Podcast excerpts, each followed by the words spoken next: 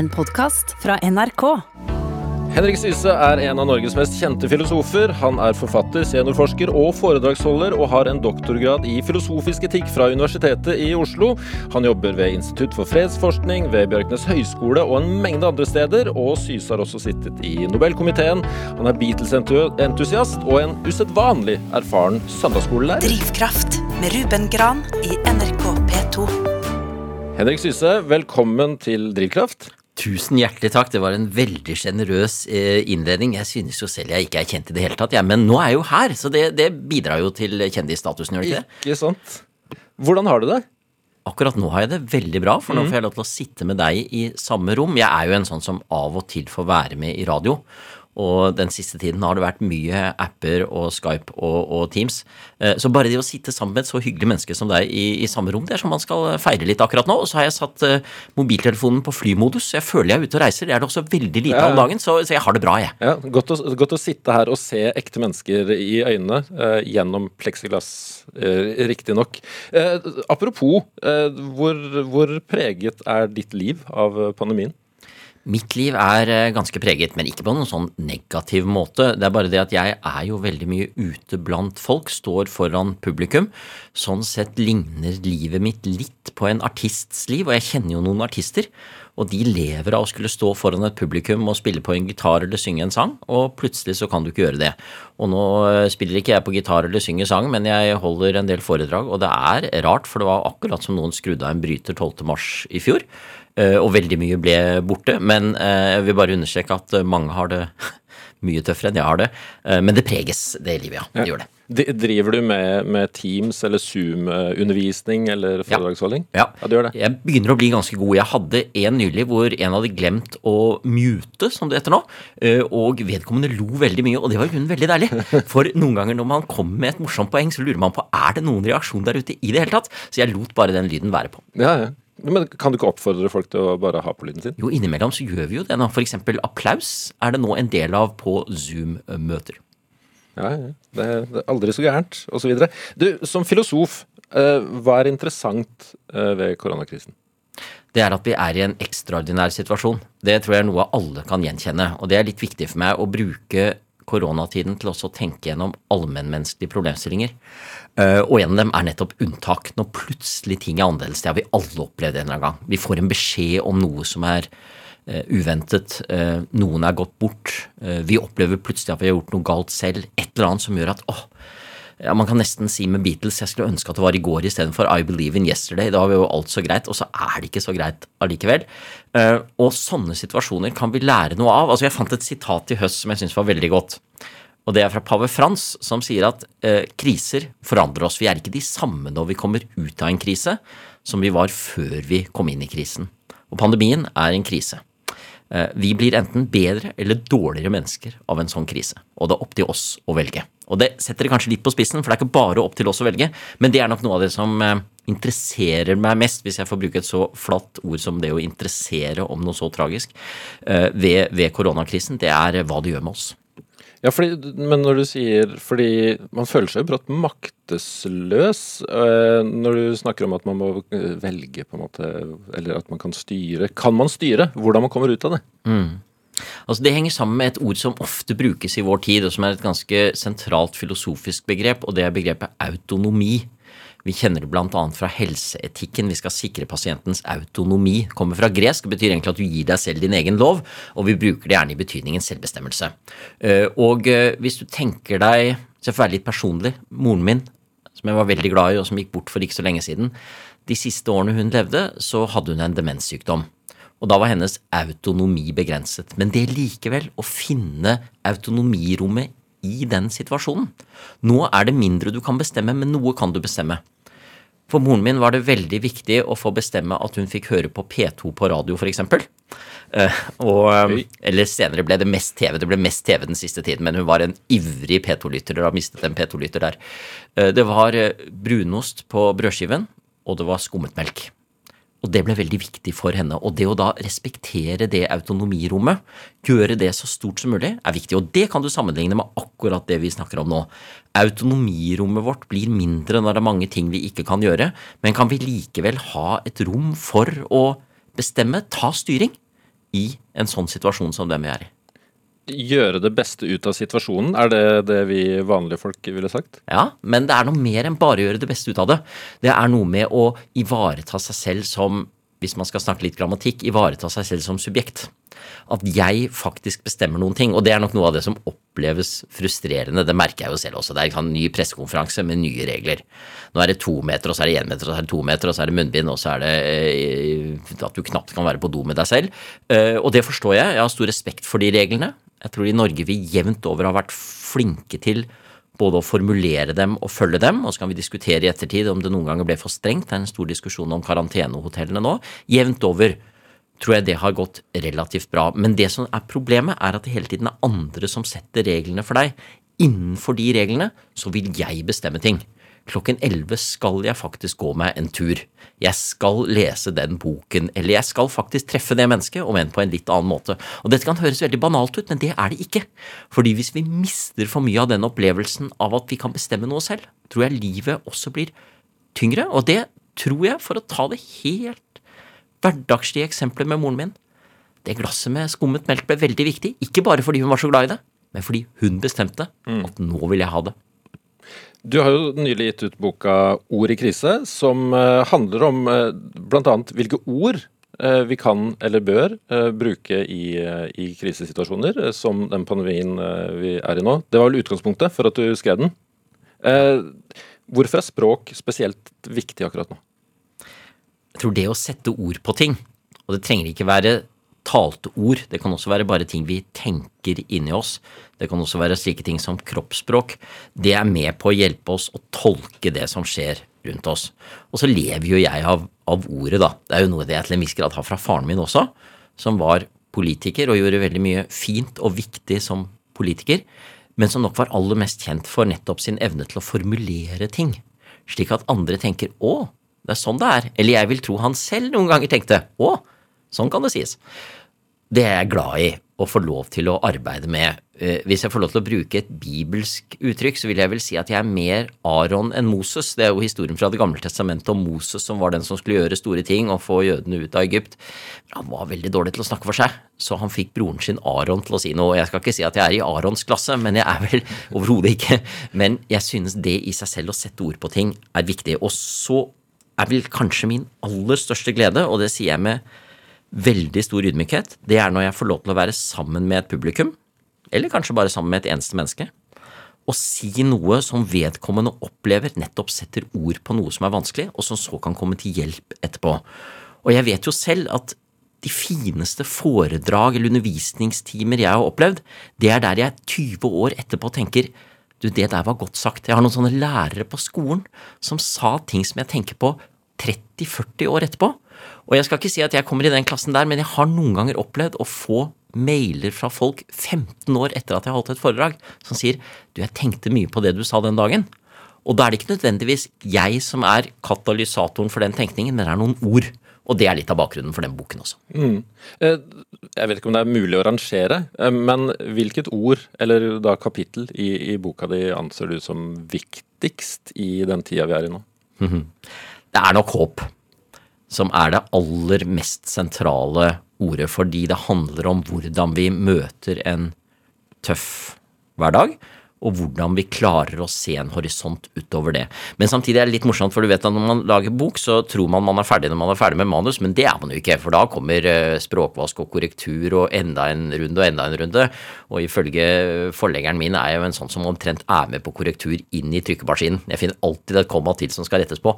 Saken er i hvert fall den at da jeg fikk den såkalte første korrekturen, det var ombrukket, som det heter på, på trykkespråket, mm -hmm så merket jeg at dette var jo i grunnen en ganske trist og tung bok, for den handlet om triste ting. Ikke hele veien, men den startet med stort alvor. Første kapittel var om ansvar. Da tenkte jeg at nei, nå slenger jeg på et kapittel først som jeg kaller for latter. Og så omformet jeg det etter hvert til humor. Og det tar utgangspunkt i Boccaccios berømte bok fra svartedauden, eh, Dekameronen, og handler om at noe av det viktigste vi kan gjøre, er faktisk å le rett i ansiktet på det som er vondt. Det skaper avstand det skaper et annet perspektiv. Det gjør at vi senker skuldrene. Eh, og ikke minst så gjør det at vi kan se at det som er vondt, det er ikke det største, for humoren kan vinne over det. Og jeg bruker som eksempel i det kapitlet eh, en av mine favorittfilmer. Charlie Chaplins Diktatoren. Som han ble laget i 1938, ferdigstilt i 1939. Verden står på randen av verdenskrigen. Den siste scenen er spilt inn etter at verdenskrigen hadde startet. Og det Chaplin gjør, er å le rett i ansiktet på Adolf Hitler og si at du er latterlig. Og kanskje er det noe av det sterkeste og riktigste som har vært sagt om nazismen. Så ved siden av ordet håp, så trekker jeg frem ordet humor også. Men ja, hvorfor, hvorfor, er det viktig å le? Altså, Hvis man, eh, man, er syk, familien er syk, man bekymrer seg for hvordan dette her skal ende. Da er det vanskelig å finne frem eh, latteren. Ja, det er det. Og alt til sin tid. Men jeg tror det er ikke nødvendigvis latteren, men, men smilet, øh, skråblikket, det å kunne se det litt latterlige også i det vonde. Og det er ikke for å gjøre narr av noe. Jeg er veldig opptatt av det med humor, for humor og satire er viktig, og noen ganger gjør den vondt. Og det skal være et vidt rom for det, og den skal kunne gjøre vondt. Men allikevel, den humor jeg er mest opptatt av, er ikke den som gjør vondt. Og det er jo noe jeg arbeider mye med selv når jeg står på en scene og holder foredrag. At ingen skal ha det vondt etter at jeg har gått fra et sted. De må gjerne være utfordret. De må gjerne tenke at oi, oi, oi, det må jeg tenke på. Og hvis jeg sier noe som er utfordrende, så er mitt prinsipp at da skal du utfordre meg selv også. Da skal jeg føle litt vondt inni meg selv òg. Men ingen skal føle at de er tråkket på. Så det er ikke den humoren jeg først og fremst snakker om, det er den som klarer å ufarliggjøre. Og minne om at jo, dette er, dette er eh, tøft og vanskelig, eh, men det går an å finne en annen måte å se det på. Jeg husker godt da for å være litt personlig igjen, men jeg bruker sånne personlige eksempler, for det er noe lytteren veldig lett kan gjenkjenne seg For dette er noe vi alle har opplevd av en eller annen art. Da faren min døde, og det skjedde ganske brått, og det var tøft for moren min. Hun var bare litt over 60, han var 66. Så øh, opplevde jeg, øh, som det første vi snakket om da hun skulle hjem igjen, at øh, jeg foreslo for henne at på gravstenen så skulle det stå 'Men jeg tok jo tran'. og så lo hun godt, for det var nemlig noe av det han alltid var opptatt av. Det sto til og med på listen for regjeringen hans på første regjeringsmøte, med regler for denne regjeringens arbeid. Det kan du spørre en av statsrådene i den regjeringen om. Så sto det at alle måtte ta tran hver dag. Og jeg husker min mors reaksjon var akkurat den. Nå er det godt å le sammen, Henrik. Vi må kunne gjøre det også. Mm. Eh, men du nevnte håp, eh, som er viktig. Hva er forskjellen på håp og optimisme?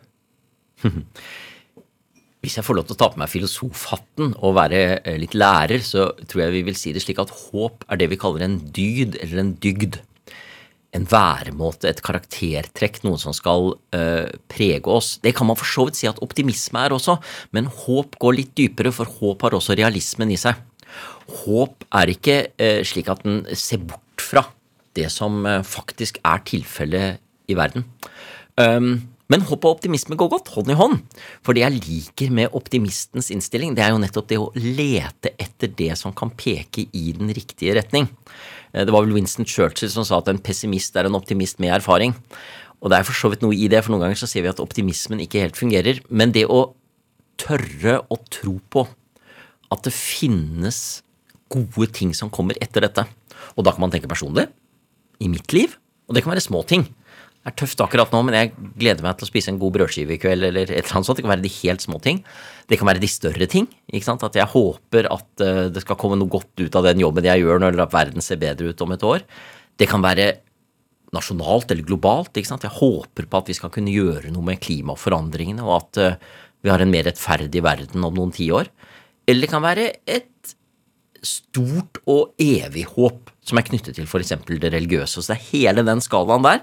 Og, og, og, det tror jeg er noe som gjør at vi mennesker har en drivkraft, for å bruke tittelen på dette programmet. Du hører Drivkraft i NRK P2. Det gjør du så sannelig, og her i Drivkraft så har jeg besøk av forsker og filosof Henrik Syse. Kort, men er det en grei oppsummering, akkurat det? Ja. Forsker og filosof? Forsker og filosof. Jeg liker ord på F. Så jeg er også uh, forkynner, kan man jo for så vidt uh, si, i og med at jeg er søndagsskolelærer uh, på si. noen lurte på om PRIO, som jeg arbeider ved Institutt for fredsforskning, står for prior. Det er vel en av de eldste vitsene vi har der, at vi driver med, med egg. Og da var det noen som foreslo at fjærkre var mitt spesiale. Men jeg liker ord på F, ja. Firebarnsfar. Jo. Mm. Atskillige ting på F. Flanellograf. Ja, der har du det. Ja, Vi får se om vi kommer tilbake til akkurat det. Men du, eh, som du så vidt eh, snakka om, eh, din mor eh, døde i midten av mars. Eh, Else, eh, kondolerer. Takk. Bisettes på fredag. Mm. Hvordan var den siste tida med, med moren din? Den var fin fordi jeg kunne se hvor mye omsorg betyr. Og det var veldig dyktige mennesker på det sykehjemmet som hun bodde ved den siste tiden. Um, og jeg fikk se hvor mye smertestillende betyr. Uh, jeg tror at i situasjoner som det, så er ikke jeg blant dem som er en tilhenger av at man skal søke døden som sådan. Det er en stor debatt innenfor etikken om det vi ofte kaller aktiv dødshjelp. Men jeg tror veldig sterkt på det å gi så mye smertestillende som er mulig. Så det ble en, uh, en fin reise tross alt fra tiden og til evigheten. Så lever vi i en veldig spesiell tid nå pga. korona. Men de la til rette for at uh, noen fra den nærmeste familie kunne få være på besøk hver dag, så lenge vi holdt avstand til alle de andre der og brukte munnbind og alt mulig sånt. Så jeg uh, opplever det som en uh, ting jeg kan se tilbake på med en viss ro, og så vet jeg at sånn er det ikke alltid i livet. Det er mange som hører på akkurat nå, som ikke har fått oppleve det. Jeg har i situasjoner i livet ikke fått oppleve det. Og da må man likevel forsøke å holde fast ved det gode. Mm. Løfte frem de gode stundene. Ikke gå rundt og være bitter for det. Men på min mors vegne så er jeg glad for at hun fikk en fin siste tid. Og siste gang jeg var hos henne, så vet jeg ikke hvor mye hun hørte, men jeg sang og jeg ba og jeg gjorde de tingene man gjør eh, som jeg tror hun ville satt pris på. Så eh, det, det er godt for eh, oss å tenke på nå. Hva er det viktigste hun har lært deg? Min mor var lærer, og hun var lærer i alt hun gjorde på en veldig omsorgsfull måte, så hun var et sånt menneske som skapte en ordentlig trygg barndom. Men hun har nok lært meg det å ta på alvor det som er alvorlig. Det å strekke seg litt lenger. Eh, det å eh, forsøke å, som det heter med, med ungdommens språk, å skjerpe seg. Eh, ikke på noen sånn måte som jeg opplevde streng. Hun var aldri sånn som skulle sette krav om at dette må du gjøre, og nå må du være flinkere, da. Men hun visste at det å strekke seg etter ting, det er bra. Og så var hun et menneske som alltid likte å gi råd. Så hvis man skulle ut, så var det kjør forsiktig, gå forsiktig, vær forsiktig, husk å spise, husk å ta på deg sko. En rekke ting som jeg nok ville ha husket allikevel. Det var noen ganger var nesten fristende å svare nei, nå har jeg glemt å spise i et par uker, gitt. Men alt det var drevet frem av hennes ønske om å vise omsorg. Mange husker jo din far, som du så vidt nevnte i stad. Eh, Jan P. Syse, høyrepolitiker som var statsminister 89 til 90. Han derimot døde jo brått uh, i 97 bare 66 år gammel. Da var du 31. Det må ha vært en ganske annen, annen avskjed? Ja. Og det er det sikkert også mange lyttere som kjenner seg igjen i. Det når livet plutselig blir forandret. Det var vi jo litt inne på til å begynne med, da vi snakket om unntakstilstanden. Eh, han var et veldig levende menneske, og da er det veldig rart når eh, bryteren blir skrudd av på, på den måten. Eh, men samtidig er det noe med mennesker at de er der fortsatt i den forstand at de har satt så preg på verden rundt seg at du har det med deg videre. Og det har jeg på en veldig fin og god måte med faren min. Noe av det han var aller stoltest av i livet, var at han fikk bygget en laftehytte på Rørosvidda. Den hadde han tegnet selv. Og der oppe var vi nå noen dager i påsken. Og jeg sier ikke dette på noen sånn spiritistisk måte, men han var der. Han er der. Og kona mi og jeg snakker ofte om hvis vi gjør noe der, flytte på et bilde av hva ville han ha syntes om dette. Stort sett er vi enige om at han ville ha, lagt, ha likt det. Uh, men det er riktig, det. Det er annerledes uh, når, noe skjer, uh, når, noe skjer, brått på, på, den måten. Har du blitt klokere på, hvis det går, eller fått noen nye oppfatninger eller tanker om ja, mysteriet døden gjennom å si farvel til foreldrene dine? Jeg har i hvert fall fått lov til å reflektere mye rundt det, jeg håper jeg møter døden med respekt. På den ene siden er jo døden det mest naturlige i livet, for det er det som vi har felles alle sammen, at dette jordiske livet skal, skal slutte et sted. Um, jeg håper at min respons på døden er at jeg blir enda mer glad i livet. Ta godt vare på det. Men samtidig forsøke å knytte denne dyden vi snakket om i sted, om håp til døden. Det er jo en av de eldste tanker i det tenkende menneskets historie. Det er jo tanken om at livet er ikke bare knyttet til denne verden. At det på et eller annet vis finnes en måte å leve videre på, enten individuelt eller kollektivt. Der finnes det massevis av filosofisk og religiøst stoff som vi kan ta en egen time om en gang. Ja, Eller sette sånn, en hel uke, kanskje. Ja, ikke sant. Eh, det fine med det er jo å kunne si at døden på en måte er en slutt. En absolutt slutt. Noe ugjenkallelig og på den annen side en hendelse i livet. Et veldig klokt menneske jeg kjenner som heter Marie Åkre, som har arbeidet mye med livshjelp, som hun kaller det. eh, som sykepleier arbeidet med menneskers siste stund, så er eh, døden en del av livet. Um, og det å forsøke å sette den inn i den større sammenhengen, om livet varer to dager eller to år eller 20 år eller 100 år, så er det et helt liv, og døden er en del av det livet. Men jeg håper at hovedresponsen vår er at vi skal være glad i livet, um, også når det er tøft. Mange mennesker sliter med livet, mange mennesker syns livet er vondt. Hvordan kan vi da løfte frem livet også som en gave som er helt unik? At ditt liv er helt fullstendig unikt. Og det er ikke noen sånn banal klisjé, men det er altså sant. Faren din var politiker, din mor lærer, filolog, eh, stemmer det? Ja. Hvordan var diskusjonene rundt middagsbordet hjemme hos dere? Ja, De var preget av grammatikalsk korrekte setninger. Der vi korrigert bare nei da, nei da, nei da. Selv om barna mine vil nok si at det preger meg òg, for jeg, jeg, retter på kommafeil i uh, tekstmeldinger. Når det er sagt, jeg opplevde uh, oppveksten som uh, avslappet og fin, men hele tiden preget av at det er en større verden der ute. Slik at det var veldig naturlig å kunne diskutere de store spørsmål ved middagsbordet. Og så er det jo det at når man vokser opp, så tror man jo at der man er, er det som er vanlig. Hvis det ikke er noe helt ekstraordinært. Hvis du f.eks. vokser opp med noen som er veldig syk, så vil du vite at dette her er ikke helt som det burde være, og du må justere eh, vis-à-vis -vis det faktum. Eh, min oppvekst opplevde nok jeg der og da som veldig vanlig. Egentlig ganske udramatisk. Og så er det først når jeg ser på det etterpå, at jeg kan se på det som var eh, spesielt eh, med det. Men det var engasjerte foreldre. Og det er vel noe av det fineste man kan ha, det. Var, var dere ofte uenige eh, rundt det såkalte middagsbordet? Ja, men ikke om eh, de store politiske spørsmål, tror jeg. Der ble jeg nok mer en sånn som utfordret senere, når jeg ble mer bevisst. Da jeg var liten, jeg skulle det var EF-kamp da jeg var seks år. Og da tok jeg for gitt at her hadde mine foreldre rett. Da husker jeg argumenterte på skolen om at det er fint med samarbeid. Det må jo være fint, og Europa er fint, det. da bare overtar du, så tar du ikke å krangle med, med, med, sånne ting da. Så uenigheten gikk nok mer på de banale ting om når rommet skal ryddes. Jeg er en notorisk utsetter. Eh, det var jeg allerede den gangen. Eh, gjør i morgen eh, det du kunne ha gjort i dag, og det kunne nok medføre noen uenigheter. Selv om det er så godt med alt som er gjort? Ja, men det som er spesielt med utsettet, er at når du da endelig gjør det, så føles det enda bedre. Dette er ikke ment som oppfordring til å utsette, men jeg har hatt det sånn noen ganger. Hvis jeg har hatt noe jeg gjør på jobben som jeg burde ha gjort for to uker siden, den dagen jeg endelig gjør det Lykke, altså. Mm -hmm. Men bortsett fra at du var litt, litt motvillig eh, rydda rommet, eh, hadde du noe slags eh, ungdomsopprør? Nja, det får andre vurdere. Jeg hadde nok ikke den type ungdomsopprør hvor jeg eh, reiste til København og, og drakk meg veldig full. Men hvis man tar det litt mindre dramatiske, så kan man jo si at det å studere filosofi, det er ikke noe opprør, men det er noe annerledes. Det er det å skulle gå innover i seg selv. Det å skulle tenke eksistensielt. Og det hadde jeg med meg hjemmefra i den forstand at vi kunne diskutere store spørsmål. Sikkert mange lyttere som kjenner seg igjen igjen, at man har fra sine foreldre en evne til å stille noen spørsmål basert på hva de er opptatt av. Og det hadde jeg med meg hele tiden. Men da valgte jeg en litt annen vei. Så kall det et lite opprør, da. Ja. Var, var, du filosofisk anlagt, hvis, hvis, det går an å være det, eh, som barn? Ja, jeg tror det. I hvert fall hvis jeg ser på det i ettertid.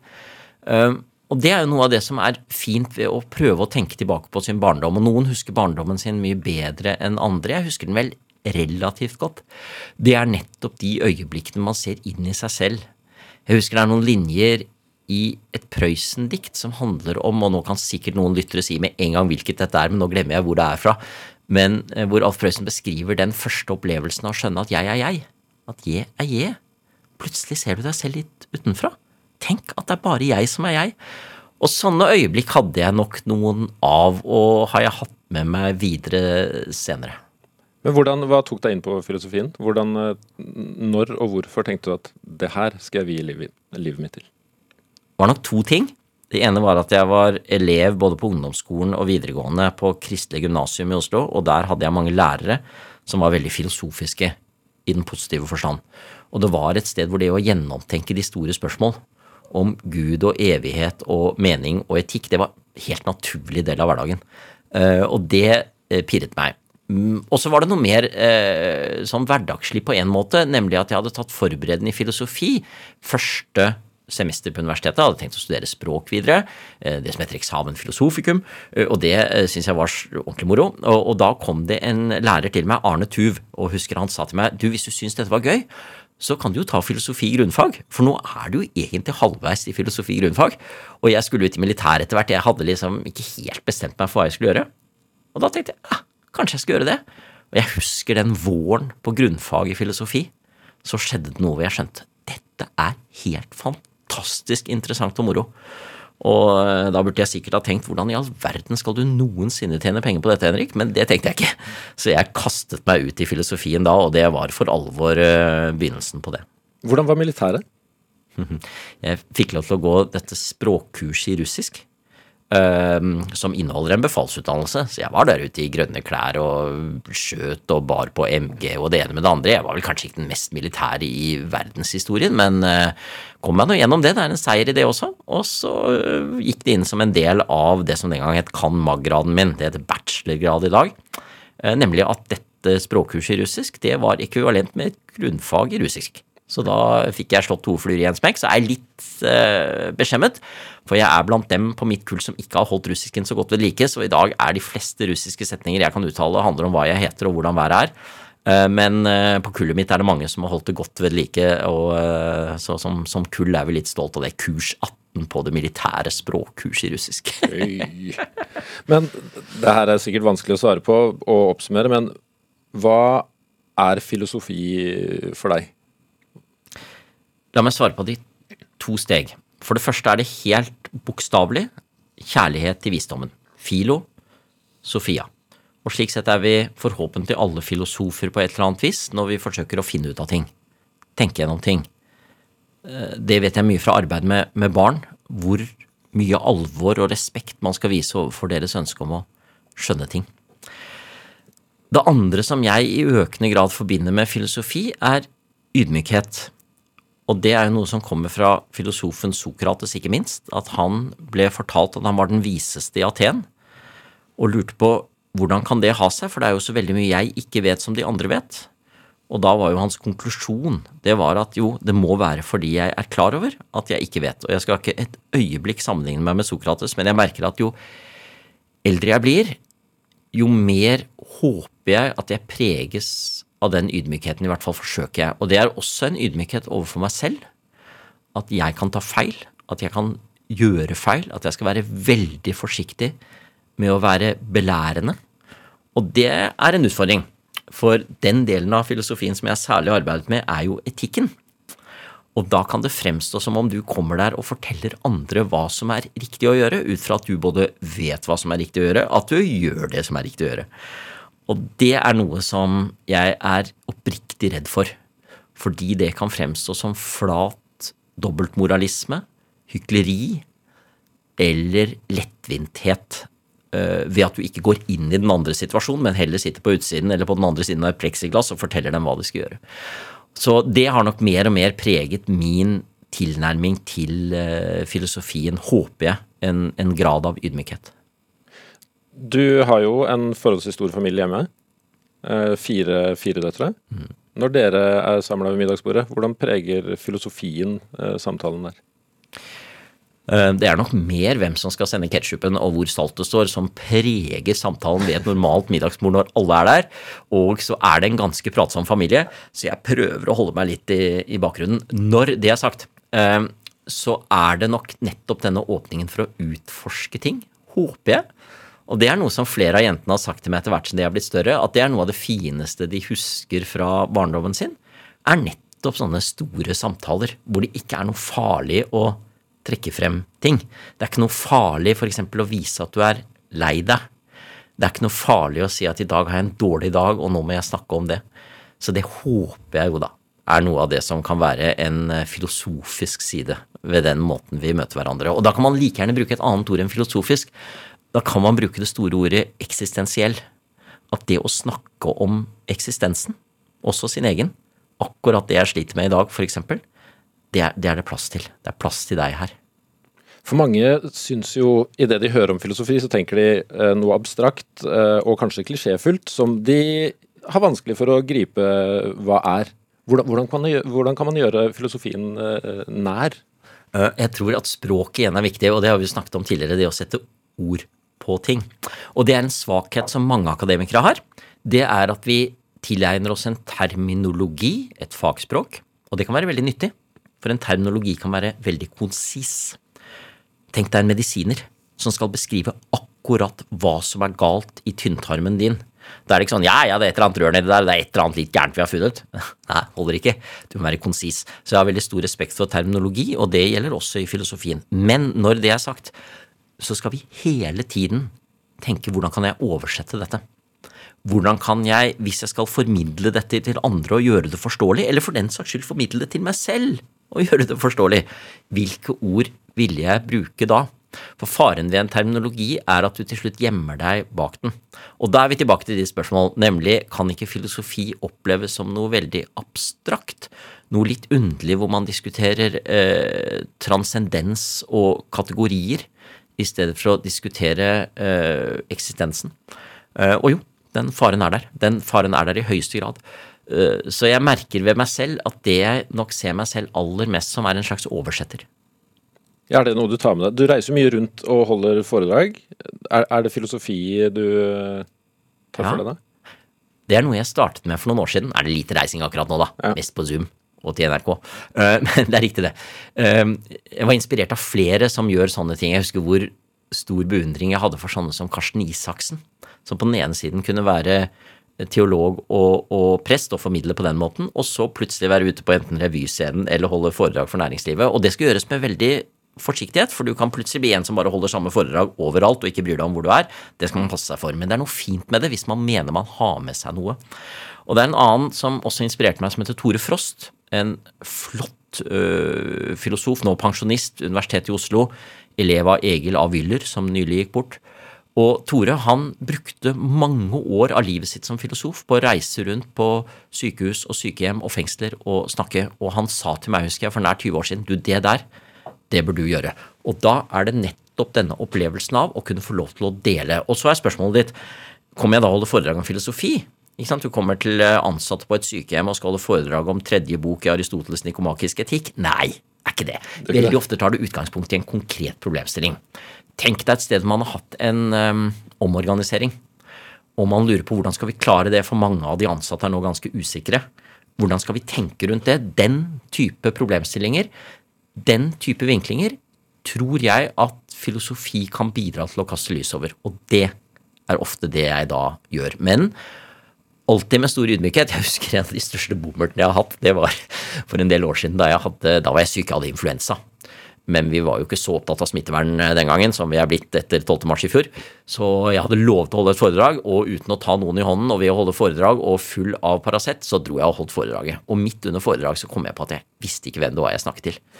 Var det finansmeglere, eller var det advokater? Jeg hadde bare kommet meg inn der og liksom fått slengt sammen noe. Og da Jeg kom meg gjennom eh, setninger av typen Ja, dere som er så opptatt av eh, av, av penger og samfunnet. Men da sa jeg til meg selv, Henrik, aldri, aldri igjen. Husk at det er de du snakker til som er de viktige, ikke du. Bruker du mye humor i foredragene dine? Ja, jeg gjør nok det. Ikke alltid med vilje, også fordi jeg syns det er moro når ting skjer på scenen. Når du plutselig opplever rare ting som du kan påpeke som sikkert andre i rommet har tenkt på også.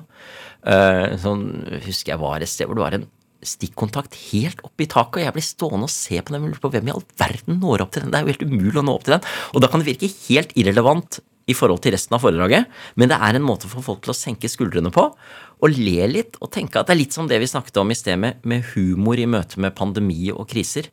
Det gir litt avstand på en god måte, senke skuldrene. Eh, Så jeg gjør nok det, og så viser det seg at det ofte kan være en god måte å illustrere ting på. Men stemmer det at du har drevet med standup? bare indirekte. På skolen gjorde jeg det. På videregående så var det sånne der underholdningskvelder og sånt. Og det var ikke så mye som det er i dag, hvor det er revyer og det ene med det andre. Jeg var russ i 84, så var før liksom den store bølgen der. Men eh, da ble jeg ofte brukt i klassen som sånn som hadde standup-routine for å underholde litt. Og det syns jeg var gøy. Det var gøy å finne ordene som får andre til å le. Men jeg skal ikke skryte på meg nå, selv om jeg var for noen år siden på en veldedighetsskala på Latter. Og da kom jeg etter en profesjonell standup-komiker. Ja, gøy. gøy. Ja, det var det. Men, men ja, ja, fantastisk utfordring. Men jeg skal ikke skryte på meg noe som helst i så måte. Jeg håper jo det er det faglige og seriøse som mest står i sentrum. Men det er noe med å treffe et publikum, for det vet jeg selv òg. Jeg er veldig ofte publikum. Hvordan ønsker jeg å bli snakket til? Eh, det er noe av det jeg har med meg i hodet mitt på en talerstol. Og kan det da være naturlig med humor? Ja, da bruker jeg det. Hva ler du av, da? Åh, det er så mye. Jeg ler nok ikke minst av slapstick-humor som også er verbal. Og siden vi nå sitter i NRK, så er jo blant mine største helter Lars Mjøen og Knut Lystad og hele deres generasjon. Trond Kirkevåg som ikke lenger er blant oss, Jon Skolmen som ikke lenger er blant oss. Det er et eller annet med den lekenheten hvor språket får sine underligste utslag. Nå i påsken ble vi sittende og se på gamle Olsenbanden-filmer på TV, og det er mye av samme generasjonen som dem, ikke sant, og mange fantastiske skuespillere, og da fikk jeg se igjen vår gamle nabo som gikk bort altfor tidlig, Sverre Wilberg, som spilte politiinspektør Hermansen. Eh, for en fantastisk skikkelse! For en verbal humor! Eh, og, og, og sånt, sånt, liker jeg. Og da er det en scene blant annet hvor han får lov til å komme tilbake. Han er blitt uh, kastet, for han har gjort for dårlig jobb, så han må være i stallen og stelle hestene. Men så skal han komme tilbake igjen. Og da blir han fortalt at det oppdraget vi skal ha nå, dette er større enn brannen i Ålesund. Og da svarer han bare 'Ålesund sør'. Det er, altså, det er en helt sånn absurd uh, samtale som viser at det her er det jo ikke kompetanse i det hele tatt. Det er bare tull og tøys og som samtidig da nettopp fremkaller latteren. Så jo, der er, der er jeg. Den, den, type humor er jeg veldig, eh, veldig glad i. Har du fått med deg mye av humoren din hjemmefra? Jeg, jeg, sånn jeg husker din far, Jan P., så var jo han en eh, veldig morsom, riktignok ofte på en tørr måte, eh, mann. Har du med deg mye av det? Ja, garantert. Og ikke nødvendigvis at jeg er klar over det selv, men det ligger der. Og noe av det far var flinkest til, var nok nettopp det å avvæpne i vanskelige situasjoner med humor, med det skråblikket eller den, den gode latteren. Og uh, det husker jeg godt fra, fra, oppveksten min også, og det gjorde jo at han var ganske populær her i NRK-huset. For de siste årene han levde etter at han var statsminister, så stilte han opp på ting med sånn Synnøve Svabø og Petter Nome og sånt. Uh, Dan Børge, uh, Trond-Viggo. Og sånt kan bli litt flatt og dumt. Man skal passe seg, og det var far veldig opptatt av. Du skal ikke gjøre for mye av sånt noe, men litt av sånt noe kan være med på å menneskeliggjøre politikken. Og det var noen stunder der altså på direktesending med Dan Børge hvor vaktmesteren kommer inn i studio og skal begynne å mure. Og avtalen mellom Dan Børge og Trond-Viggo var jo at Dan Børge visste jo ikke når Trond-Viggo kom inn. Det var direktesending og to millioner mennesker som så på. Og var å se ansiktet til Dan Børge når Trond-Viggo kommer inn med mørtel og skal få min far til å mure på gulvet, det, det, er jo et herlig øyeblikk.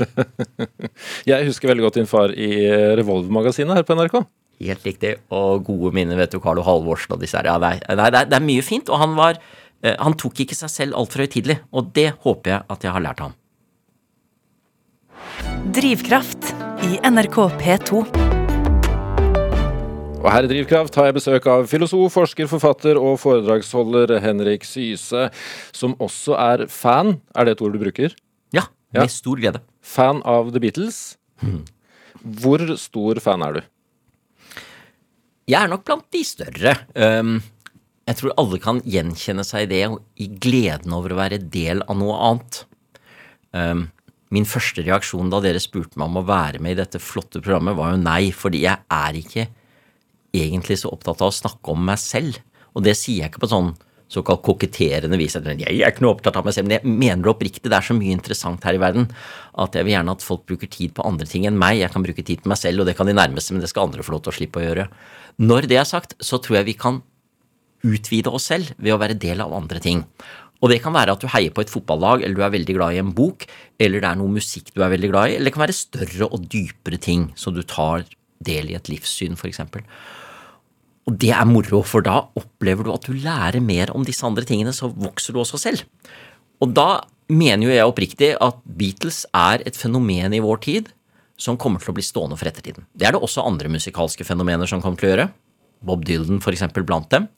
Men jeg tror vi kan si med ganske stor sikkerhet at Beatles er blant de fremste. Akkurat som vi i dag ennå lytter til Mozarts musikk over 220 år etterpå, så jeg er ganske sikker på at om 220-30 år så kommer man til å lytte til Beatles. Både fordi de traff en tidsånd, så man kan gå tilbake og si ah, sånn var 60-tallet, og fordi de uttrykte noe allmennmenneskelig både gjennom musikk og tekst, og ikke minst fordi relasjonen mellom dem var så god og så morsom. Og jeg fikk faktisk lov til for ikke så lenge siden å skrive noe akademisk om det. Fordi min gode kollega og venn Arne Johan Vetlesen, en større filosof enn jeg er, og professor på Universitetet i Oslo, fikk et festskrift til sin 60-årsdag. Og da skulle folk skrive i det festskriftet om store, viktige problemer han hadde vært opptatt av, og da valgte jeg Beatles. For han er ordentlig Beatles-fan.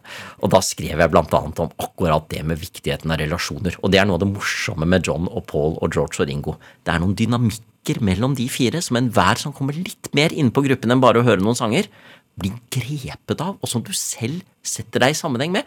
Det er jo faktisk folk blant, som ikke er så veldig opptatt av Beatles, kan være med på en samtale. Hvem er du mest som? John, Paul, George eller Ringo? Det gir mening, det spørsmålet.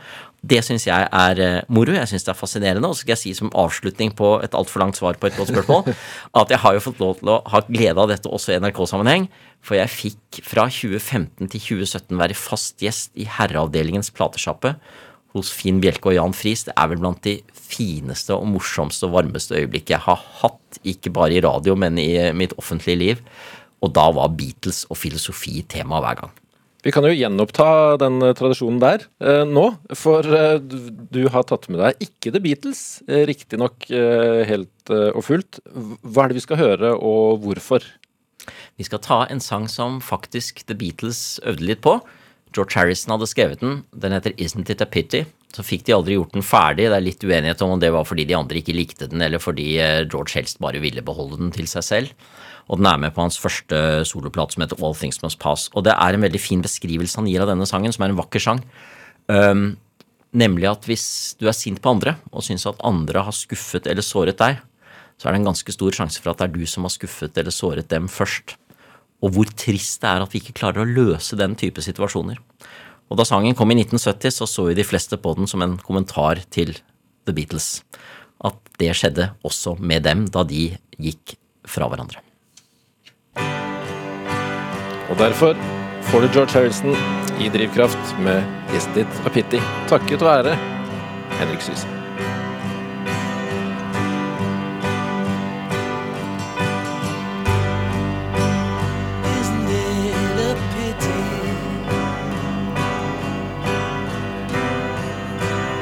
Isn't it a shame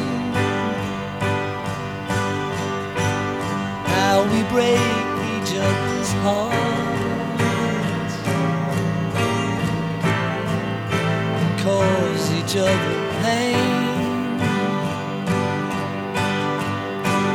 How we take each other's love without thinking anymore. Forgetting to give back. Isn't it a pity?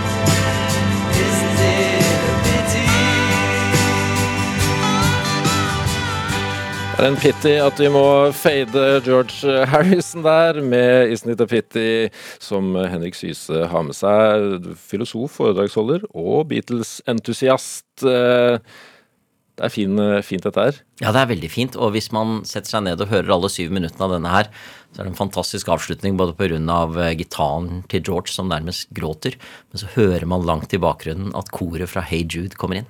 Som en hilsen til The Beatles. Det er, mm. det er betagende. Hvordan eh, oppdaget du Beatles?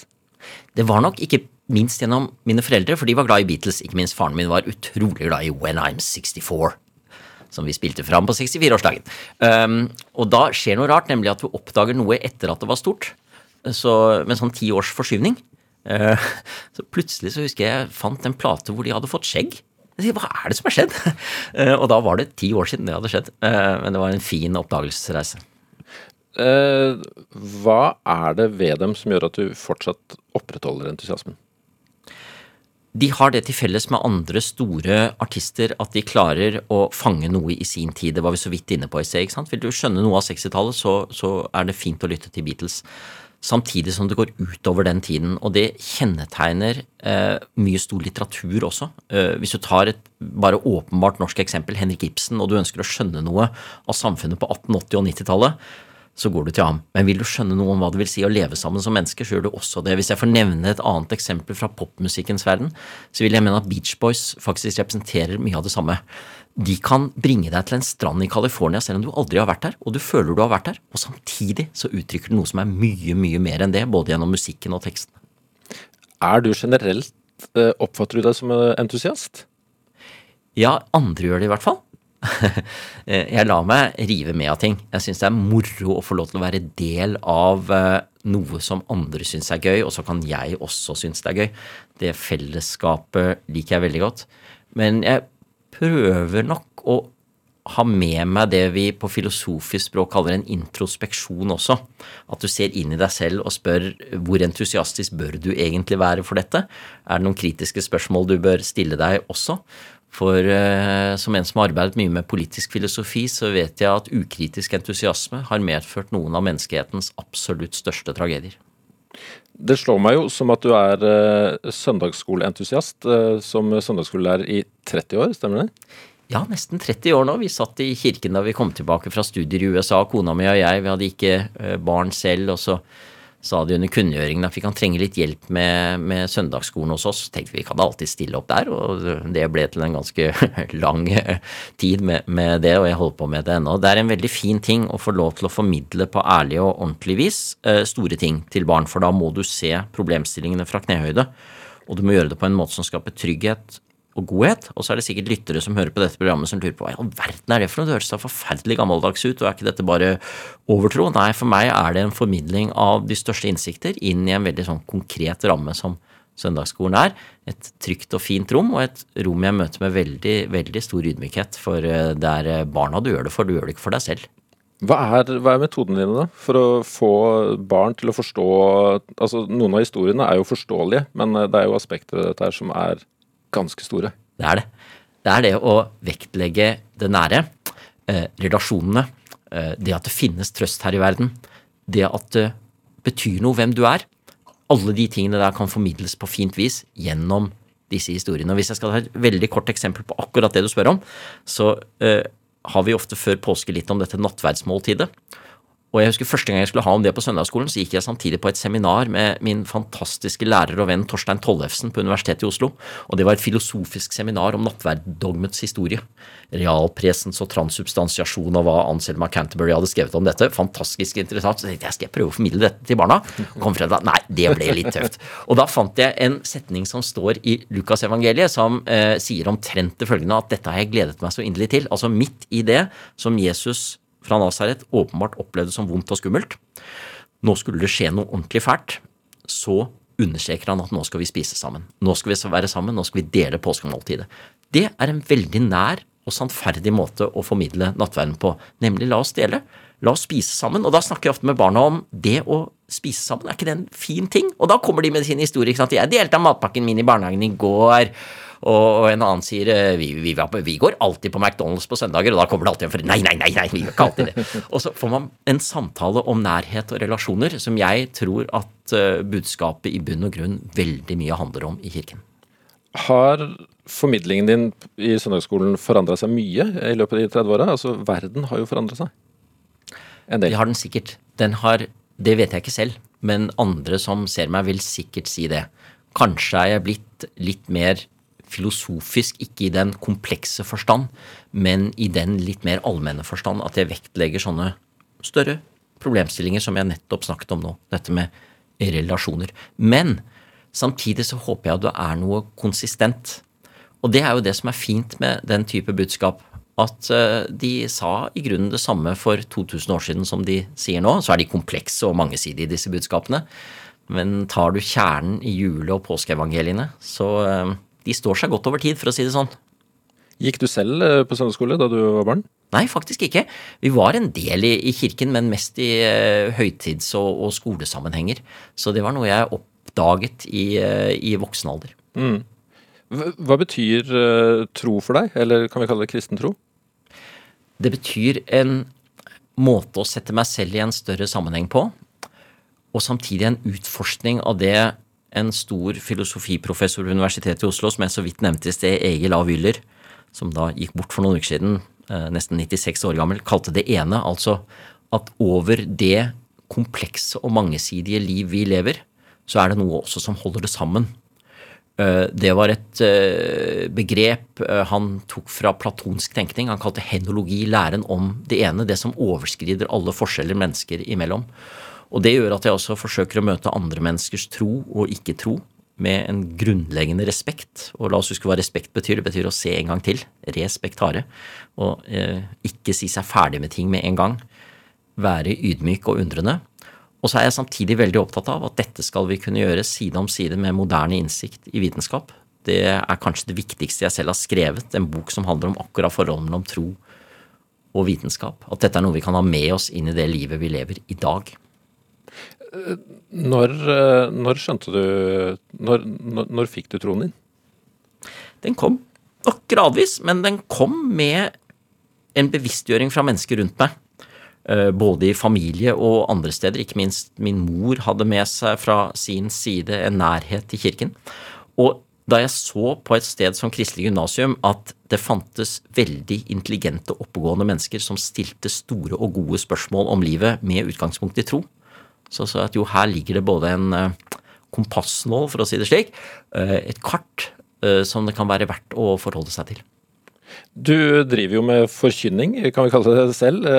Altså, man gjør jo det når man er søndagsskolelærer, men også som andaktsholder her i NRK.